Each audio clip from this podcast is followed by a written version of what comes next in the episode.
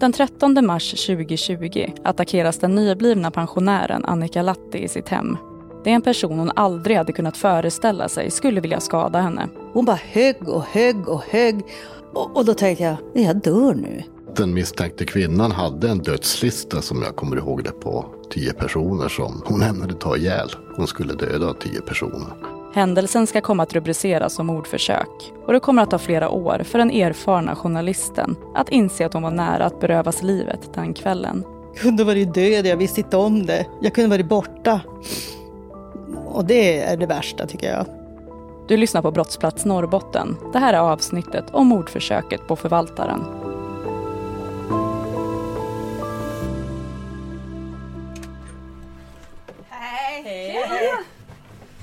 Är det alltid låst, han låser igen.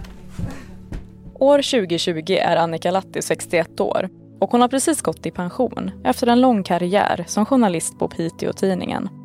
De senaste fyra åren har hon även varit förvaltare åt en kvinna i 50-årsåldern. Ja, men jag tyckte att jag ville göra någonting bra för någon. Och så fick jag henne i mitt knä då. Men då visste jag ju ingenting om henne. Så det kan man ju tänka i efterhand att hon var ju farlig. Och jag har ju skjutsat henne i min bil, jag har varit i hennes lägenhet och suttit med ryggen mot. Och sen får man höra efteråt att vi går aldrig in där med ryggen mot henne och sådär.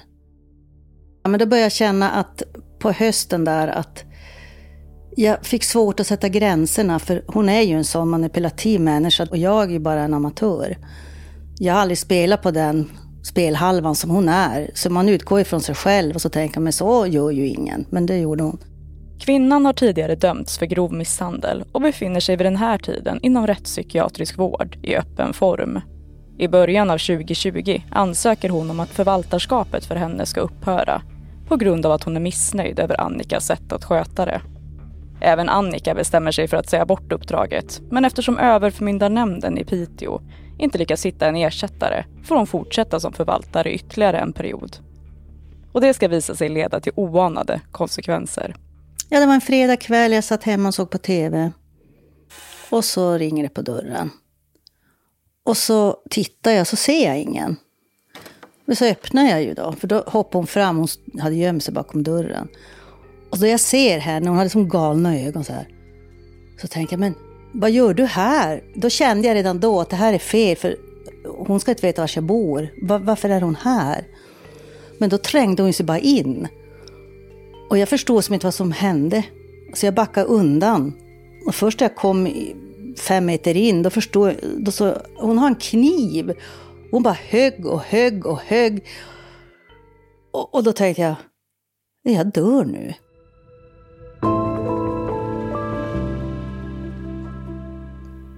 Och så tänkte jag, fan, vad ska jag göra? Och då var telefonen inne i vardagsrummet, så jag tänkte, jag måste, hämta jag måste ringa polisen, jag måste ringa polisen. Men då hann jag tänka, det hinner jag aldrig, för då dör jag. För då vände jag ryggen mot henne. Och så tänkte jag, vad fan ska jag göra? Så då sa jag, men vänta, vad gör du? Vad håller du på med? Du ska få pengar, sa jag då. För hon var ju helt galen bara att få saker. Så då sänkte hon armen. Och då kunde jag knuffa mig förbi henne och springa ut till grannarna. Annika får motta flera hugg innan hon till slut lyckas fly. På kinden har hon ett skärsår som är ungefär 5-7 cm långt. Och hon blöder även från hjässan, där kniven också har träffat. Då öppnade jag dörren och då stod jag där med världens, det var blod i hela skjortan och ja, det var ju så stora hack, ja, det var överallt. Och då bara, först trodde grannfrun att jag hade varit på halloweenparty. Men jag vet inte vad jag sa. Men de var, han var helt jättebra. Jag la ner mig på golvet, satt och bara skrek och grina och höll om mig. Och de ringde till min sambo. Och sen var det ju som full rulle med ambulanser och poliser. Sju poliser tror jag det kom. De var ju helt underbara. Alltså, jag hade väldigt tur att jag gick till dem. Jag kommer ihåg att målsägaren var chockad och fortfarande väldigt rädd. Polisen Mikael O Nilsson jobbade som kriminalinspektör på grova brott vid det här tillfället. Och han var en av dem som jobbade med utredningen. Hon var ju skadad. Hon hade en större sårskada på kinden. Eh, det jag mest kommer ihåg att hon var väldigt, väldigt rädd och eh, chockad efter händelsen. Kvinnan som utförde attacken har i förhör själv beskrivit situationen som ett tumult och att det enda hon tänkte var citat, hugg, hugg, hugg. När Annika lyckas fly springer hon först efter, men säger att hon blir rädd för grannarna och går istället till ett hus en bit därifrån. Men där blir hon snabbt avvisad av en man som ber henne att lämna tomten. Till slut hamnar hon i en snödriva där hon bestämmer sig för att ringa till SOS Alarm. Jag vet att hon i förhör berättade att hon skulle komma undan och försökte gömma sig under snön. Och, men eh, det slutade med att hon ringde och angav sig. Polisen kom eh, till platsen där hon var, grep henne. Det var väl ungefär det. I förhör har kvinnan också berättat att hon veckan innan attacken införskaffade tre moraknivar.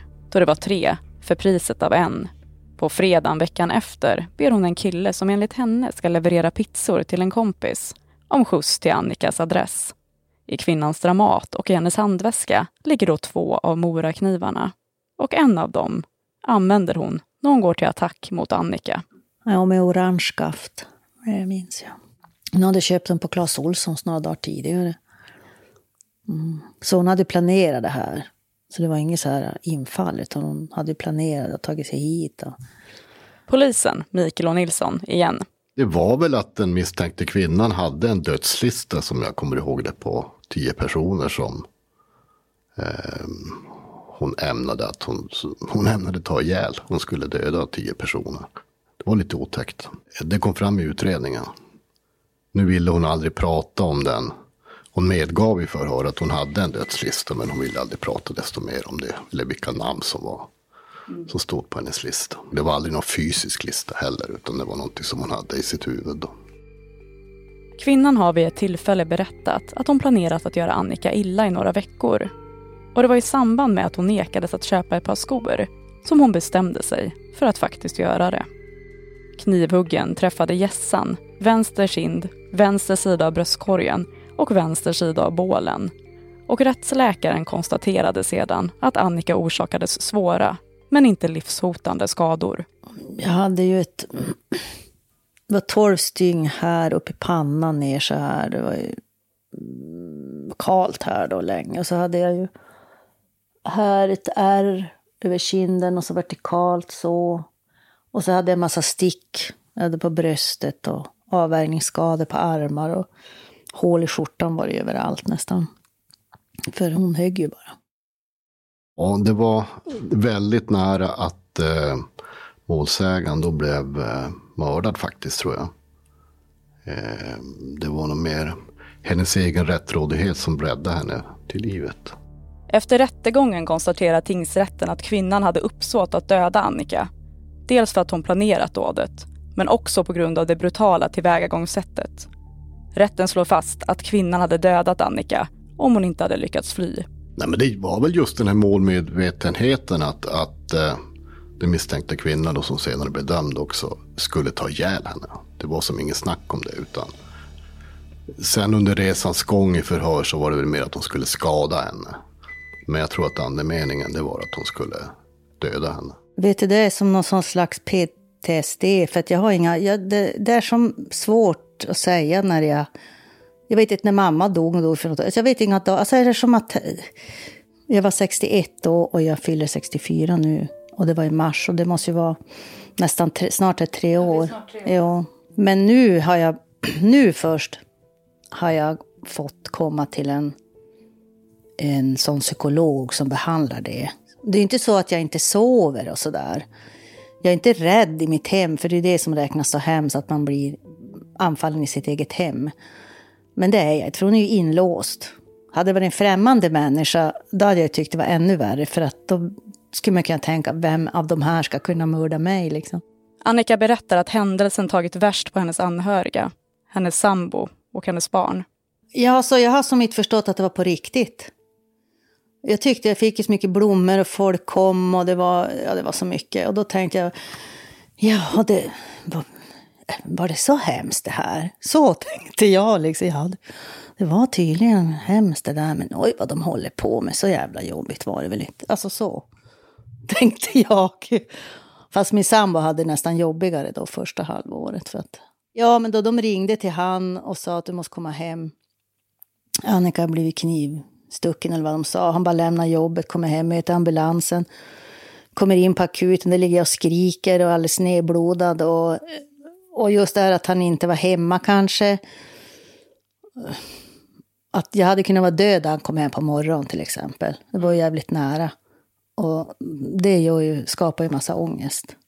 Även för mina barn då. Men jag är ju så som mamma, man skyddar sina barn. Va? Så man låtsas ju att det är ju lugnt, det här är ju ingenting, det är ingen fara. Ja, det är så bra så du behöver inte vara oroliga. Det sitter så djupt in i mammakroppen det där för att ska skydda sina barn. Att prata om vad som hände den där fredagskvällen säger Annika aldrig har varit något problem. Men händelsen har satt djupare spår än hon tidigare insett. Jag kan känna att jag blir lite berörd nu när du frågar mig.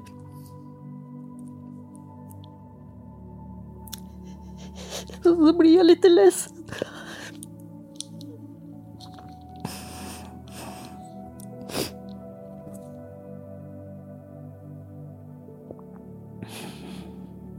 Men det har att göra med att det är först nu det bara komma det för mig. Det är liksom, jag märkte det när jag var psykologen i måndags, då började jag också grina. Jag kände, men varför, va? För grinar jag vill inte nå. Men då, det har jag inte gjort förr. Inte en enda gång. Så där. Men det är nu det är bra. Vad är det du tänker när det känns jobbigt? Jag tänker mest på mina barn. Och så tänker jag att jag kunde varit död, jag visste inte om det. Alltså så. Jag kunde varit borta. Och det är det värsta tycker jag. Jag kunde vara död och lämna dem bara. Efter knivattacken har både överförmyndarnämnden i Piteå och Region Norrbotten utrett händelsen internt och i vissa fall upprättat nya rutiner. Vi hör till förordnad divisionschef Pernilla Nordqvist vid Region Norrbotten varje enskild händelse kan inte skapa ett nytt arbetssätt, men man behöver reflektera, gör vi rätt saker?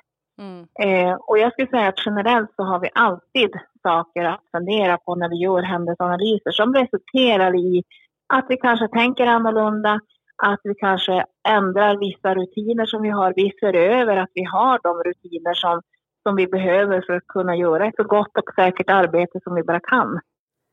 Även överförmyndarnämnden i Piteå har vidtagit åtgärder efter händelsen. Det berättar handläggare Hanna Backman. Vi har ju alltid så länge jag har jobbat och det är tvåsiffrigt antal år haft ett säkerhetstänk just och gjort en riskbedömning och eh, månat om säkerheten för ställföreträdarna. Mm. Eh, och när man gör en riskbedömning på överförmyndarnämnden så bygger ju den på information som vi har i ärendet och som vi får in från andra myndigheter eller från psykiatrin exempelvis.